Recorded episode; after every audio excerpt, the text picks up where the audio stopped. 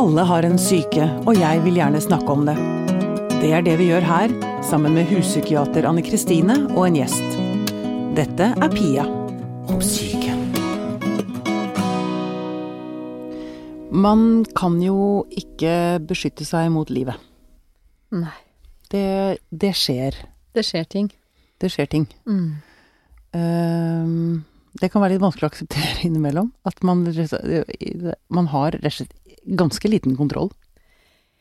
Ja, i hvert fall over sånne store, store ting. Ikke sant? Naturkatastrofer og ulykker og sånne ting. Det har man veldig lite kontroll over. Ikke sant. Eh, og som du sa, noen ganger så skjer det katastrofer. Mm.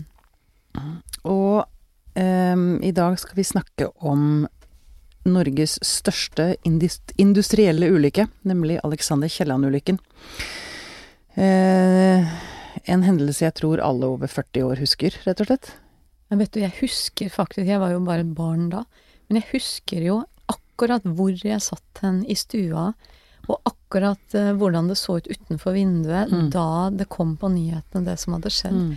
Og, og de bildene, jeg tror jeg aldri, jeg har aldri glemt det. Ja, sitter brent fast. Virkelig. Mm. 27. mars 1980, 37 år siden. Og gjesten vår i dag, eh, Anders Helligsen, velkommen hit. Tusen takk. Eh, du overlevde den ulykken. Eh, 123 mennesker mistet livet. 89 overlevde, du var en av dem. Ja, det stemmer. Mm.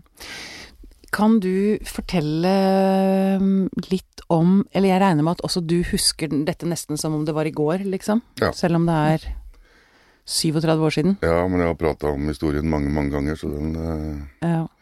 den husker jeg godt. ja. Kan du fortelle mm, hva du opplevde?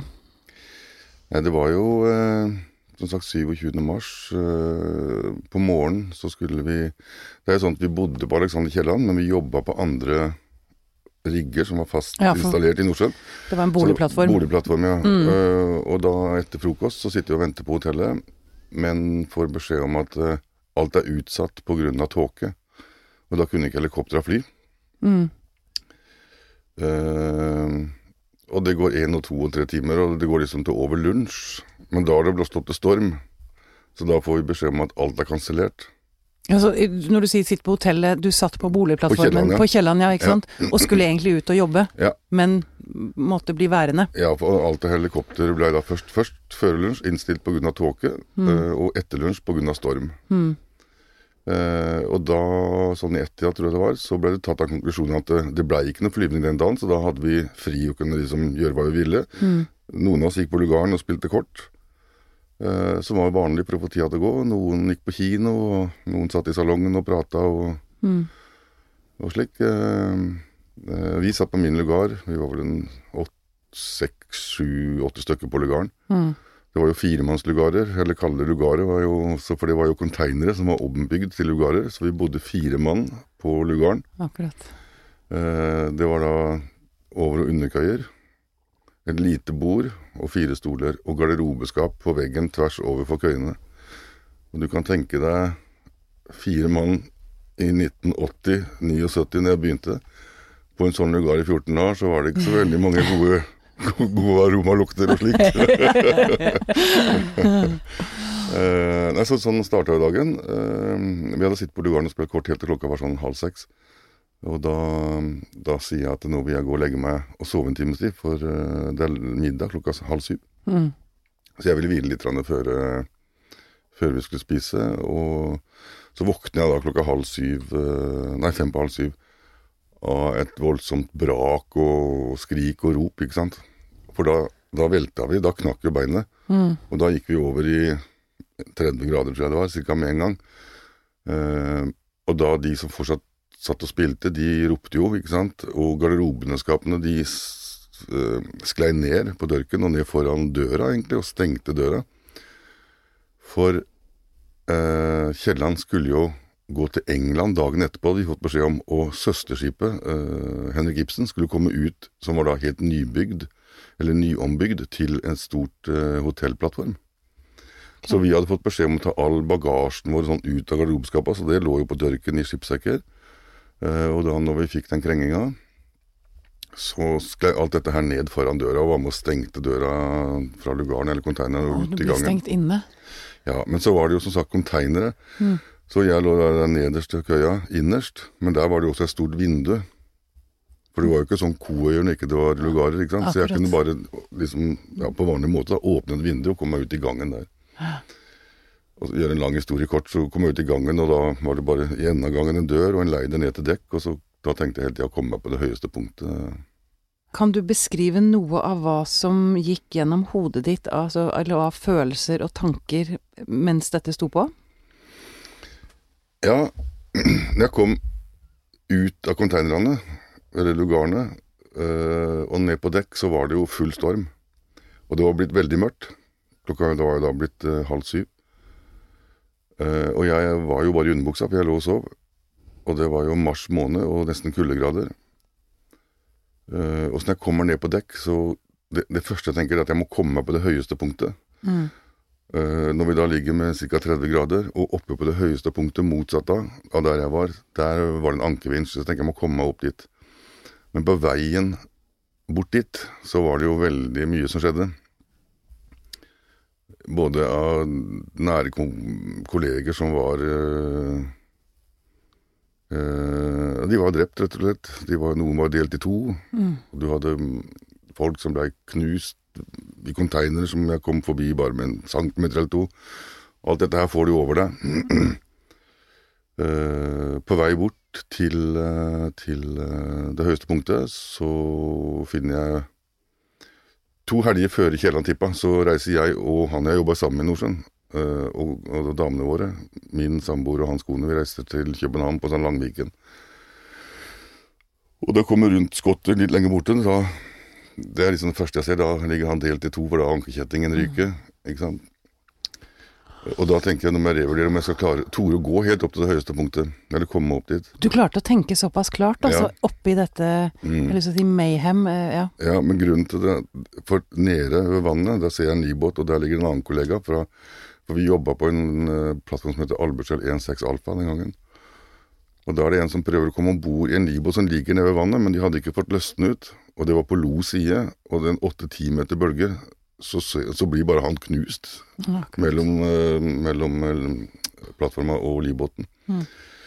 Så jeg var liksom på vei ned der bare noen få meter, men finner ut at jeg må snu og så holde på det høyeste punktet. Eh, og etter hvert så kom jeg opp dit. Eh, og da husker jeg noe annet som, jeg, som raste gjennom hodet mitt. Da står jeg der oppe, det henger et helikopter i lufta. Det var en vanlig sånn Tsjajkovskij som vi pendla med. Og jeg husker jeg står med armene og vifter på det. Kan dere ikke få ned en uh, vinsj og så ta meg opp? ikke sant? Men de var jo bare der for å rekognosere. Og sikkert melde inn til redningsinstansen på Sola. Altså, det skjønte jeg etter hvert. eh. Men når jeg står der oppe, så tenker jeg Min far hadde aldri noen far, for han døde på sjøen før min far ble født. Det samme skjedde med min fetter. Hans far var fisker og døde på sjøen før Stig ble født. Og jeg hadde fått beskjed av min kone at hun var gravid tre dager før jeg reiste ut på Kielland. Så jeg konkluderte med at eh, ja, i vår familie så skal det ikke vokse opp med, med fedre. Du forberedte deg på å dø. Ja, da, da, da for, Når jeg sto der, men så tenkte jeg Den har jo den slagsida, og jeg har sett at det har ryka ankevaiere. Så jeg må komme meg i vannet. Så jeg tenkte jeg du må bare hoppe før, den, før liksom hele riggen velter. Eh, og hvor høyt det var da, det vet jeg ikke, men jeg har snakka med flere som har greie på hvor mye vi Altså nå i ettertid, da, mye, når vi lå med 30 grader, og hvor høyt det kunne være. Så, så de fleste mener at det er over 20 meter som jeg hopper. Og ned i bølger som er mange meter høye. Nei, men det- egentlig, jeg tror at uh, jeg hadde ikke klart meg, hadde ikke Men når jeg kommer ned i vannet, så er det bare Hva skal jeg si for noen småbobler. småbobler. For jeg var redd for dragsuget, det var grunnen til at jeg hoppa. Men når jeg kommer ned i vannet, så uh, så jeg- stopper ikke, jeg bare fortsetter nedover. Ikke sant? Okay. Men hadde jeg treffet det harde vannet, så hadde jeg sikkert slått meg vanvittig. Selv om det var alle de boblene i vannet, så, så ødela jeg ryggen ganske mye. Eh, Så etter en stund så eh, forsvinner de, og så hadde jeg vest på meg, det var det eneste jeg hadde fått tak i, vest og underbukse. Og da ble, kommer oppdriften tilbake, så da kommer jeg til toppen igjen. Og når jeg kommer opp av vannet, da er hele riggen borte. Oh. Det eneste jeg ser da, det er de fire pontongene. Eh, og da tenkte jeg meg selv Jeg var jo vant til å dykke, jeg hadde drevet med fridykking i mange år. Eller jeg var jo bare 21 når det skjedde, men jeg hadde i hvert fall drevet med det eh, i noen år. eh, og var vant til sjøen og sånn, så jeg tenkte at nå er jeg i vannet, Sånn, nå er jeg berga. Men det jeg tenkte på akkurat der og da, det var jo at det var ikke mer enn fire-fem grader i vannet. Nei. Helt tilfeldig så dukker det opp en ved siden av meg, eller ikke dukker opp, men han er i nærheten av meg. Det er også Jeg er jo opprinnelig fra Kragerø, selv om jeg bodde i Oslo mange år. Så dukker det opp en kompis som også var fra Kragerø. Så vi ble liksom med sammen. Og vi var på vidt forskjellige plasser om bord eh, på, på Kielland når det skjedde. Så ser vi en livbåt et stykke unna, og blir enige om at vi svømmer bort til den. Men det var en sånn pickupbåt, altså en åpen livbåt som de kan låre hvis noen detter i vannet, liksom. Eh, og da med den vinden, og så kaldt og Så da lå dere fortsatt i vannet, men hadde noe å holde fast i, liksom? ja, nei, vi, Mm. vi kom om bord i den, i den ok. pickupbåten, men eh, når vi da, du reiser deg opp, og, og du er helt våt, Mm. og den vinden, så ble det altfor kaldt. Så, så ser vi en livbåt litt lenger borte, 20-30 meter unna. Og blir enige om at vi hopper i sjøen igjen og prøver å svømme bort dit. Når vi kommer bort dit, da, da viser det seg at det er eh, en Altså det var to livbåter som ble redda. Det var Den ene var rad nummer fem, og det var den vi kom bort til. Da er vi ca. 15 mann på utsida, men så viser det at det er heldigvis 15 mann inni òg. Men den ligger med bånd opp. Men de er helt vanntette, så hvis vi klarer å snu den, så er vi for så vidt berga. Men da var jeg så uh, nedkjølt at uh, fingrene føltes som noen kjøttpølser og beina som tømmerstokker. Mm. Og da var jeg sikker på at jeg skulle dø. Så da, på alle sånne livbåter, så eh, henger det sånn tau på sida. Uh, med sånn slakk som bølger bortover. Så jeg bandt det rundt armen og tenkte at da, da finner de meg i hvert fall. Og jeg får meg hjem og får en grav. Mm. Uh, og så klarte de å snu livbåten, så da blir jo jeg med rundt hele veien, for jeg er bindt fast. Uh, og så får de åpna de lukene på sidene, og så uh, De 15 som var inne, da klarte de å dra oss om bord der. Og Hadde ikke de vært der, så hadde heller ikke vi klart å komme inn, for vi hadde ikke Jeg hadde ingen krefter igjen, men det var ikke de mange, mange av de andre 15 på utsida der som hadde noen krefter igjen heller, så Men det som skjer når de løfter oss inn, det er jo at eh, da knekker vi dieselrøret. Eh, og jeg vet ikke hvor mange liter med diesel det er i en sånn livbåt, men alt det renner jo på dørken. Så du kan tenke deg Folk var sjøsjuke, og den lukta.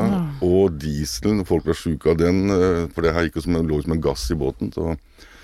Men så får vi via radioen om bord i livbåten så får vi kontakt med et supply-båt som heter Nordmann Skipper. Eh, og så ble blir vi enige om at eh, vi var eh, Jeg husker ikke mange vi var, seks-sju stykker, som skulle gå på taket av den. Så skulle den kjøre inntil oss, eh, og så skulle vi hoppe om bord. Så kommer de først én gang, men da, det er jo veldig stor sjø, som jeg sa i stad, åtte-ti meter bølger. Og da treffer de gærent, så vi liksom krasjer på sida av hverandre, så taket på livbåten der vi står, den sprekker. Og så sier de, går, tar de en runde, og så sier de at de skal prøve en gang til.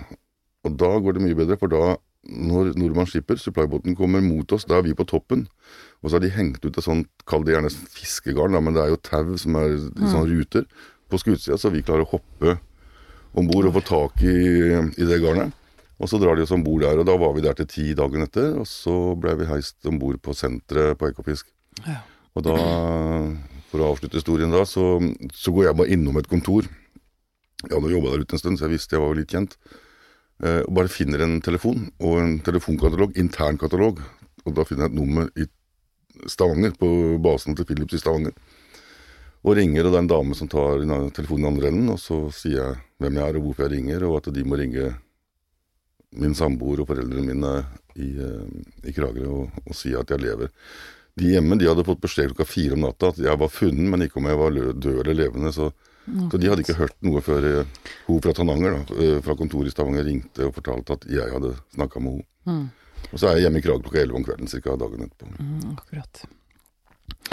Um, det er jo helt umulig for meg å sette meg inn i eh, hvordan du er blitt påvirket av dette. Altså eh, hvordan man takler noe sånt nå i ettertid. Og jeg har lyst til å spørre deg om det etterpå også, men jeg har lyst til å høre med Anne Kristine. Det Anders har fortalt her.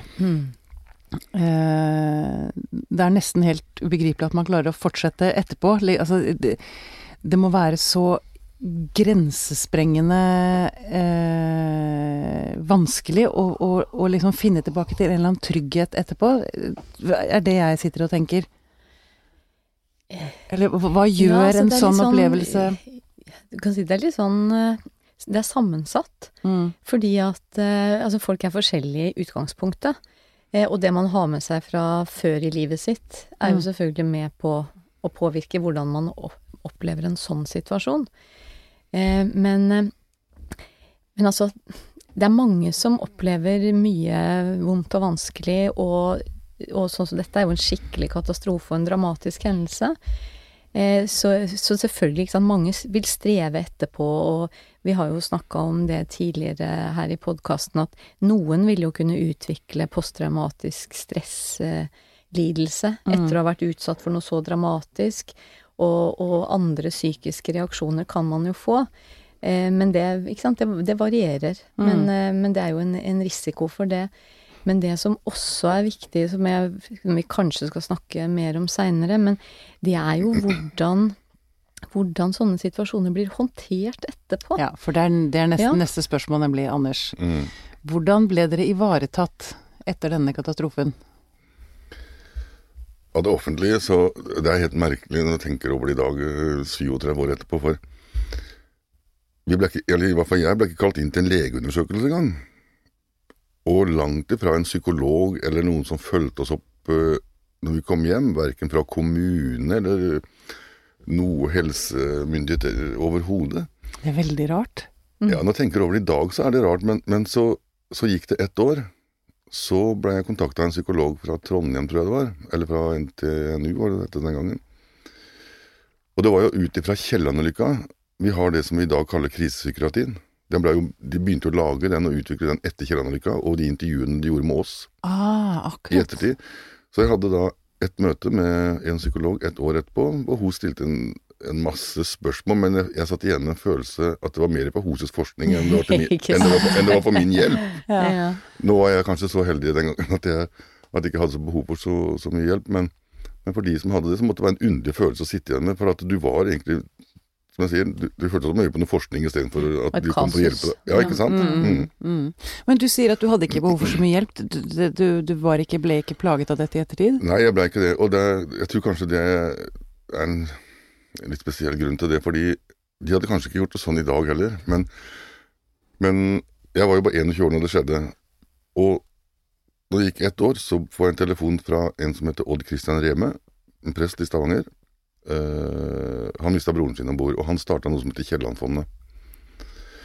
Uh, og så ringer uh, Vi kaller han, ja, Kian heter han egentlig. da. Eh, vi kaller han Kian, og, og eh, han ringte meg og lurte på om jeg var interessert i å Eller ville reise rundt og besøke etterlatte og overlevende fra Sandnes til Drammen. For å presentere en sånn case for de angå en rettssak i USA. Hvor de ville, om de da ville skrive under på å være med på det. Eh, en rettssak mot Philips Petroleum. På grunn av På Kielland-ulykken? grunn av Kielland, ja. Mm. Eh, og liksom prøve å stille noen til ansvar og, og, og slikt. da. Og det sa jeg ja til, så, så jeg reiste da rundt, som, da var jeg da blitt 22, og prata med alle de etterlatte, og det var små barn, ikke sant. Så jeg fikk prata så mye om, Ah, ja, om uh, ulykka. Og snakket med andre som hadde vært i, Ja, i periferien, Og jeg eller tror at det hjalp meg utrolig mye, Mm. pluss det at uh, jeg hadde vært hjemme en uke.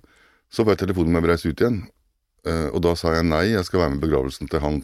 Altså, du har vært hjemme i én uke etter ulykken. Ja, da fikk jeg telefonen om å reise ut igjen. Du tuller?! Nei, nei, nei. Så jeg reiste ut igjen etter 14 dager. What?!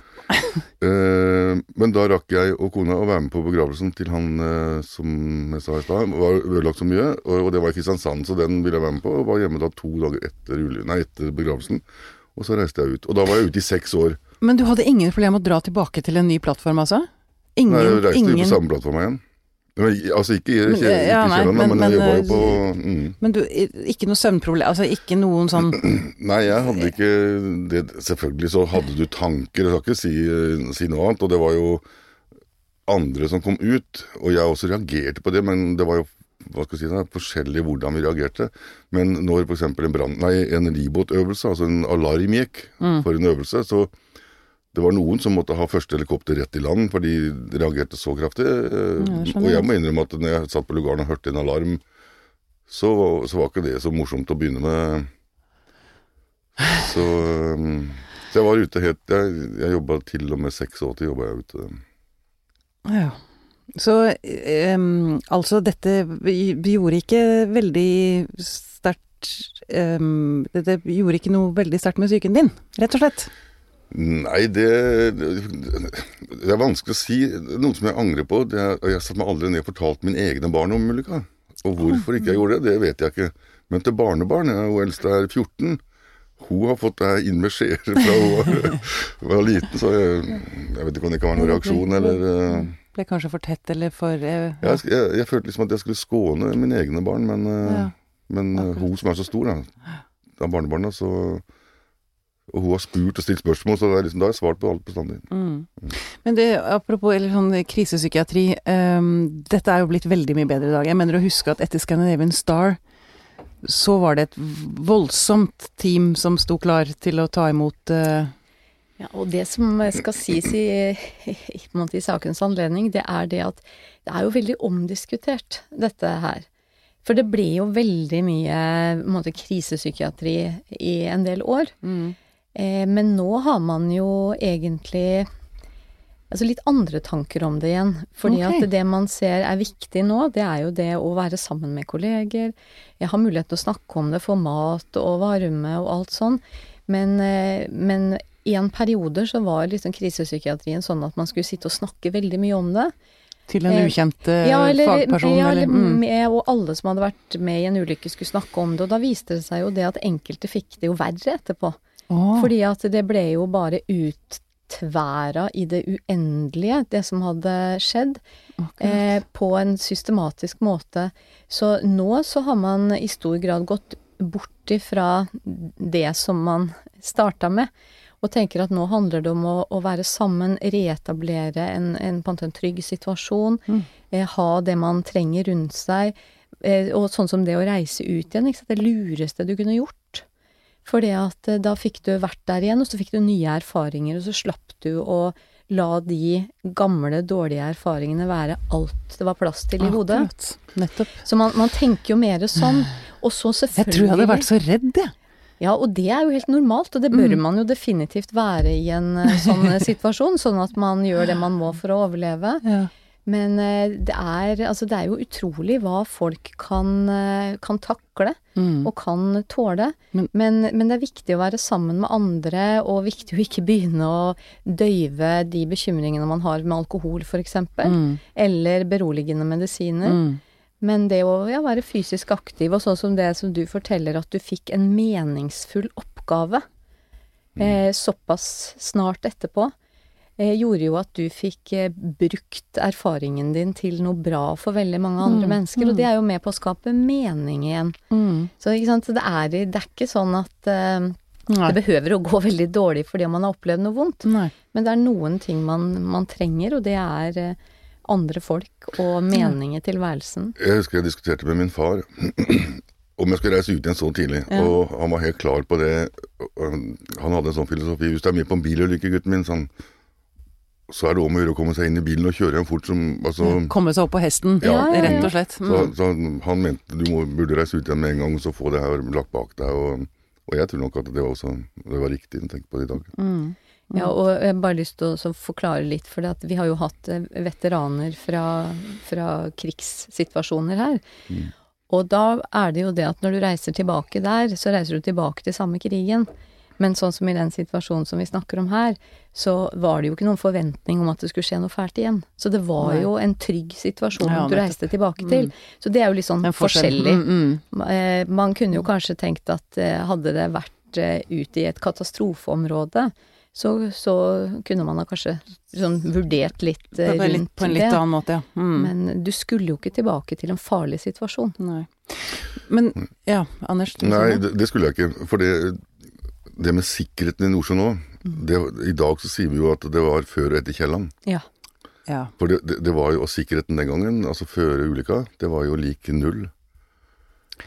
Det, det var så ille at uh, Altså Folk kunne komme til Stavanger dagen før og ligge på hotell hvis du hadde en av de første flightene ut, og da var det jo full fest. Og når du kom til Forus, som det heter når, der vi reiste ut i Nordsjøen fra med helikopter, Og hvis du var så full at ikke du fikk på deg overledningsdrakta, så var det bare at du får legge deg på plen på utsida til du klarer å få på deg sjøl. Og så var det ut. Og det, og det hendte av og til når folk gikk ut av helikopteret på helidekket øh, på Ekofisk, så måtte de helivaktene som jobba der, snu de så ikke de gikk ut, liksom. Og få de ned. Og, og, vi måtte ikke føre noe statistikk eller noe, noe lapper eller noe fylle ut noe, det var jo ikke noe data særlig den gangen, på hvor vi var hen. Så ja. Derfor sleit de jo veldig mye med hvem var om bord, og hvem var kommet seg ut på en plattform. Så. Akkurat. Men nå er det jo veldig bra, da. Ja, Men du, um, det er jo kommet en bok, og det kommer en til, gjør det ikke det, om, om ulykken? Det kom en som ble gitt ut nå 19.11, tror jeg, mm. med det rålige. Mm. Uh, og så er det en ny bok som skulle vært levert for 14 dager siden, men den er utsatt til midten av august. Ja, august. nettopp. Men her, eh, her kommer det frem ganske graverende ting. Altså ansatte som Dere var urolige for sikkerheten om bord. Og at det var en del eh, Altså for hvordan plattformen var utstyrt, og hvordan den ble brukt. Eh, hva tenker du nå i ettertid? Altså, er, er, du sint fordi folk ikke tok sikkerheten på alvor? Nei, det, det, er ikke helt riktig å si at vi var bekymra for sikkerheten når vi var om bord, for, for, vi visste ikke bedre. Nei. Uh, men det er alt det som kan ha kommet fram nå i ettertid. Mm. Så kan jeg ikke si at jeg går rundt og er sint, for da ville jeg sjøl hatt det vondt. Men mm. jeg vil gjerne vite sannheten, og spesielt for barnebarna mine og mine egne barn. For nå Jeg sitter jo i styret i det som i dag heter Kielland-nettverket, og vi hadde en åpen høring for uh, to-tre uker siden. Og etter den høringa så så har det kommet fram så mange spørsmål. Uh, det er helt nifst. Og en av de som var med på høringa, det var altså tidligere stortingspolitiker Gunnar Berge, som igjen da blei direktør for Oljedirektoratet. Og han holdt et foredrag der og, etter, og oppsummerte på slutten av de to dagene at at, den informasjonen som vi hadde klart å få ut på den åpne høringa, så sier han jo rett ut det må en ny granskning til. Og den granskingskommisjonen som jobba med dette her i 1980-81, så jeg tror de gjorde en veldig stor jobb, og sikkert en grundig jobb også. Men det er så mange spørsmål Hvorfor de som hadde greie på pentagonringer, som, eh, som Alexander Kielland var, hvorfor fikk ikke de lov til å være med i kommisjonen? Mm. En veldig oppegående mann som heter Gundersen, som var med og konstruerte og lagde brukermanualer for Pentagon-riggene. Han tilbydde sine tjenester til kommisjonen, og var kanskje den eneste i Norge som hadde 100% peiling på hvordan du skulle drifte en sånn plattform. Det var han som hadde lagd altså, den tjukke permen på hvordan du skulle drifte en sånn plattform. Han fikk ikke lov av formannen i kommisjonen å være med. Mm. Mm. Så, så, alle de spørsmåla der, eh, ja, det skulle jeg gjerne ha svar på. Ja, og jeg tenker at Eller noe av det jeg har lest, er at eh, kanskje noe av, noe av, det viktige man kan ta med seg fra den ulykken, er eh, at altså de arbeidstakerne som våger å varsle, at de blir tatt hånd om, at de blir lyttet til. Mm. Eh, tenker jeg. Ja. Ehm, det, det, er jo det som har kommet fram nå, for at den gangen så jobba vi alle sammen i Nordsjøen. Mm. Og ingen, eller veldig mange, de fleste torde ikke å si hva de visste, for da fikk de, de var redde for å få sparken. Det var akkurat det. det, var det. Ja. Og jeg mm. sjøl var jo i USA, i den rettssaken i USA, og var med mm. der nede. Og når Philips fikk greie, fikk greie på at jeg var med som vitne der nede, så fikk ikke jeg lov til å reise ut igjen. Så da måtte jeg gå via LO og den veien for i hele tatt å få tilbake jobben min. Så mye for åpenhet. Ja. ja. Mm. ja. Men i dag er de pensjonister, så i dag snakker de. Akkurat. Nettopp. Nettopp pensjonere hele samfunnet, så får vi frem sannheten. Men du, um, Anders, jeg har bare lyst til å um, du, Dette er jo ikke det eneste som har skjedd i livet ditt. Um, du har også overlevd kreft med alvorlig spredning, og du har mistet datteren din. Ja, det er bonusdatteren min. Uh, hun var bonusdatteren min i 17 år. Mm. Det er faktisk i dag. To år siden hun døde. Mm. Uh, og så hadde jeg alvorlig kreft sjøl. Uh, det er en annen måte å takle sånn sorg og redsel på. Fordi jeg sjøl, når jeg ble sjuk, så var jeg, da var jeg veldig engstelig. Jeg hadde veldig mye spredning, eh, og de var ikke sikre på radio, men jeg bodde jo der i seks måneder, eh, om jeg ville klare meg. Men eh, altså, de, var jo bare helt suverene der oppe, og så dyktige og flinke, så med meg så gikk det bra. Det som var litt hva skal jeg si, litt rart og litt av og til morsomt i gåseøynene, det var jo å se hvordan folk rundt deg eh, reagerte mot deg. Og jeg husker veldig godt eh, november 2002. Eh, vi er hjemme i Kragerø og skal spise middag på en restaurant. Jeg hadde perm fra sykehuset. Og Kragerø er en liten by, selv om jeg ikke hadde bodd der på noen år, så alle visste jeg hadde kreft. Og så jeg kommer inn da og skal bestille bord å spise lutefisk, jeg og kona. Og du hører at det, det går i tallerkener og kniver og gafler, og det er full støy. Og når folk ser jeg står midt på gulvet, så stopper alle å spise. er helt stille. er helt stille. Så Ja, det er det der, hvordan oppfører man seg mm, rundt en som er alvorlig syk? Ja. Eh, Mm. Og vi merka det også veldig godt etter at uh, Ina gikk bort. Veldig stor forskjell på uh, Altså, det var kolleger og kjente som ikke torde å ta kontakt, ikke ville snakke om det. Noen gikk på andre sida av gata. mm. Og det må vi også som pårørende akseptere.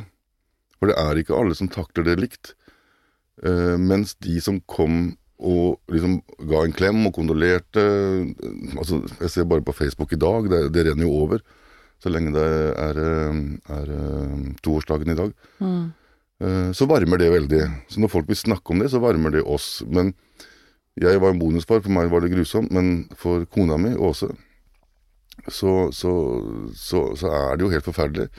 Men vi har lært oss én ting. eh, og Åse kom på en sak eh, Hun begynte et halvt år etterpå i noe som heter Sorggruppa oppe på, eh, på Ahus.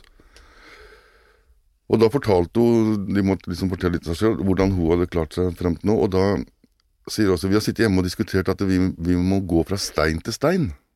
Og det har hjulpet oss. Vi gleder oss selv om de bare skal ha en middag med Ja. et annet barn i morgen, eller vi skal på ferie med noen venner om tre måneder. Eller, Mm. det, altså alt det er å gå fra stein til stein, og det henger vi fast ved ennå. Det, Ja. det, er, eh, Ja, det er jo lignende det er godt å se fram til noe. Ja, ikke sant. Man, det- man sier ta én dag av gangen, men det er jo noe av det samme. Dette Ja. med at man ikke må ta, altså, ta inn alt på en gang, men at man fokuserer på det som ligger nærmest. Anne Kristine, ser jeg bort på deg. Ja, sånn. jeg, jeg hørte jo ei som sa det så fint, som hadde et alvorlig sykt barn. Hun sa det. Vi tar et kvarter av gangen, Mm. og så blir det et liv av det. Mm. Ja. Mm. Mm. Men um, Anders, du har jo da opplevd mer enn de aller fleste, vil jeg si, i livet. Du blir ikke bitter? Nei. Jeg har i grunnen aldri vært bitter. eh, Hva skal jeg si, Da straffer du deg sjøl enda mer. Da går du jo og tenker på det hele tida. Jeg har vært heldig, tror jeg, i forhold til mange andre, at jeg liksom kan slippe det når jeg ikke jobber med det. Men så har jeg også valgt å stå oppi det hele tida òg, sånn at jeg er med i styret i Kielland-nettverket. Jeg prøver å finne ut hva som har skjedd. Mm. Og det også tror jeg er med på å hjelpe at du kanskje tenker på det på en annen måte, og ikke er bitter, men, men ser på det som ja, du kan jobbe med, da. Finne ut av hva som egentlig skjedde, hvis du klarer det. Hvis du klarer å få det til noen gang. Eh, Mm. Det er jo opp til myndighetene å, å høre på oss. Mm. Så det er veldig rart. Jeg syns det, det er helt skrekkelig at du skal leve i et samfunn i 2017 i Norge, og så vil ikke politikerne Hva slags samfunn er det vi vil ha? Vi har du- så mye dokumentasjon for å få en ny gransking. Men du sier at politikerne vil ikke? Jeg får, altså vi, vi har eh, gitt i boka eh, Vi har ikke tatt det sånn konkret opp. Vi har bare hørt med noen, og de sier nei, de vil ikke støtte det. Men vi må ha mer kjøtt på beinet. Og vi kommer nok til å bruke et år i hvert fall til på det. Sånn så at vi kan presentere noe som ikke de kan si nei til. Mm. okay. Mm. Men du, hva har du lyst til å si til andre der ute som har opplevd eh, katastrofer? Eller, og det kan jo være altså se- Ja, både katastrofer og sykdommer. Og, Sykdom, ja, det, tenker, Mm. nå tenker jeg også på sykdom som en katastrofe. Altså store påkjenninger i livet, da. Sånn som jeg sier når jeg holder de foredragene mine rundt forbi, for da har jeg også det med Kielland med, og med sykdommen min og, og Adina gikk bort og slike ting, eh, så jeg sier at det er, eller jeg tror at det er ikke noe fasit på det. Mm. det jeg, jeg har gjort det på den måten, jeg, eller jeg og vi, min familie, vi har gjort det på det som har vært riktig for oss. Og for oss så har det vært hele tida det å snakke om det. Hvis noen kommer og spør jeg, jeg setter meg ikke ned med deg på en restaurant, og plutselig så begynner jeg å fortelle om Kielland. Men når folk har spurt meg opp gjennom åra, eller hørt at jeg var med der, jo, så kan jeg sitte og fortelle om det. Da, da gjør det meg ikke noe. Da får, da får jeg lufta det hele tida. Det samme det var når jeg var syk. Folk kunne spørre hvor langt har du kommet, mange kurer hadde du hatt. Og da kunne jeg snakke om det, og for meg har det vært en terapi hele tida. Og det samme med Ina når hun gikk bort. så så folk som har kommet til oss, er det egentlig sånn varm støtte. De spør om Ina, for det er et godt minne vi kan sitte og snakke om. Så er det andre dager som vi kan bare kjøre til hytta i Krage, f.eks., og så kjører vi på den skogsveien ut der, og der pleier hun å løpe, så er det jo sorgen der med en gang. Så, så det detter over deg sånn hele tida, og så må jeg jo også begynne å snakke sammen om Kanskje vi snakker om Ina bare, eller vi snakker om andre ting, men det er det å prate som har vært fasiten for oss to. Ja. Eh, Men jeg tror ikke det er noen sånn generell fasit som gjelder for alle. Jeg tror eh, folk kanskje må finne sin egen uh... Ja, men jeg tenker nok også uh, det å tillate å føle, tillate seg selv å la følelsene være der selv om de er vonde, mm, uh, må vel være en vei videre på en eller annen måte. At Ja, også, og det du sier, Anders, det med at dere har funnet deres måte sammen. mm, Og jeg tenker jo at det er, eh, det, det er vonde ting som skjer, men det å ha noen å dele det med, øh, og ikke være ensom oppi det, mm. det er kanskje en av de lureste tingene man gjør. Mm. Og så er det det at vi er to om det. Jeg husker jeg For noen uker siden så var vi ute og kjørte båt eh, i Kragerø, jeg også. Og så kjører vi en plass som sist jeg kjørte der, da var jeg inne der og fiska. Og, da, og da, nå kjører jeg også, og da begynner jeg å gråte. Så vi må tillate hverandre å gråte og fortelle hvorfor vi gjør det. At, eh, at vi er lei oss. eh, Og heller støtte hverandre opp i det og, og foreslå Å, nå kjører vi en annen plass, eller nå skal vi reise hjem og ta en biltur. Altså, ja, engasjere oss når vi er eh, litt langt nede, egentlig. Mm. Mm. Høres veldig bra ut. Spør du meg. Og Ja. snakke om det. Snakk om det. ja. Noe du har lyst til å si til slutt, Anders, Nei. før vi forlater studio? Nei, jeg har ikke noe mer, jeg. Det, Jeg, jeg tenker at du har en eller annen livsvisdom som jeg har lyst til å få tak i. Men jeg har jo fått en del av den allerede, men at det Ja. er Du må nok høre på denne episoden mange ganger, Jeg tenker det. så siger det inn. Mm. Anders Helligsen, tusen takk for at du kom til oss. takk for at jeg fikk komme.